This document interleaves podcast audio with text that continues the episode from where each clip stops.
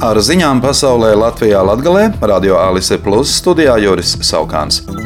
Ukraina un Krievija veikušas kārtējo kara gūstekņu apmaiņu, kuras gaitā atbrīvoti 189 gūstekņi.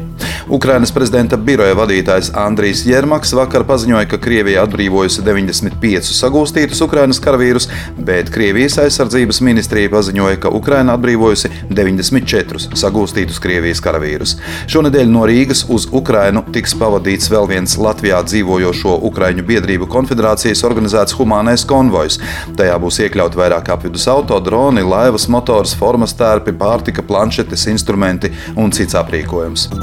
The Wall Street Journal raksta, ka 92 gadus vecais amerikāņu miljardieris Džordžs Soros nodevis biznesa un filantropijas lietas sava 37 gadus vecā dēla Aleksandra pārziņā. Aleks tagad ir vienīgais Sorosa ģimenes pārstāvis uzņēmuma Soros Fund Management investīciju komitejā, kas pārvalda 25 miljardus ASV dolāru vērtos Sorosa īpašumus. Intervijā The Wall Street Journal Aleks izteicās, ka viens no viņa galvenajiem mērķiem būs nepieļaut Donalda Trumpa atgriešanos ASV prezidenta amatā. Šodien, 86 gadu vecumā, ar diagnozi leikēmija miris bijušais Itālijas premjerministrs Silvio Berlusconi, Itālijas valdošajā koalīcijā ietilpstošās konservatīvās partijas Forza Itālija līderis un parlamenta augšpalātas senāta deputāts. Savukārt Rīgā šodien Dailes teātra stikla zālē notiek atvadīšanās no mūžībā aizgājušās aktrises Lilitas Ozoliņas, kura nomira 5. jūnijā 76. dzīves gadā.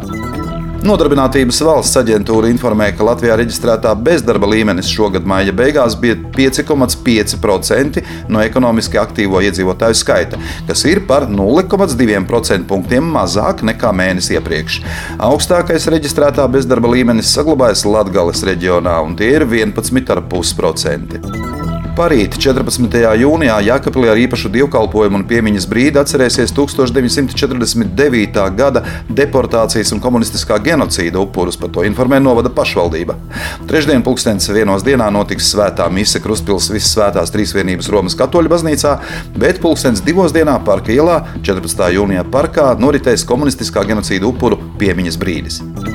Reģionālā autoceļa pļaviņas Madona Gulbene posmā no Madonas līdz Zelzavai turpinās būvdarbi un ir ieviesti seši pagaidu luksofori. Tādēļ autovadītājiem jārēķinās ar papildu stundu un desmit minūtēm, lai izbrauktu visu šo remontu darbu posmu. Posma pārbūve bija uzsākta pagājušā gada pavasarī un to plānots pabeigt šoruden. Noskaidroti Daugopils pašvaldības grantu programmas Impulss konkursu uzvarētāji. Komisija izskatīja 17 pieteikumus un atbalstīja 7 projektus, 4 ražošanas un 3 pakalpojumu sniegšanas jomā. Šogad grantu programmas Impulss atbalsta apmērs ir palielināts un vienam granta saņēmējam noteiktais minimālais granta apmērs ir 5000 eiro, maksimāli pieļaujamais grants 15000 eiro. Atbalsta intensitāte sasniedz 75% no atbalstāmajām izmaksām.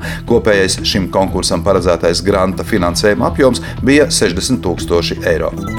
Ar ziņām studijā bija Juris Saukāns, ziņu izlaidums veidots projekta Ziņas bez robežām pasaulē Latvijā Latgalē ietvaros ar Sabiedrības integrācijas fonda atbalstu.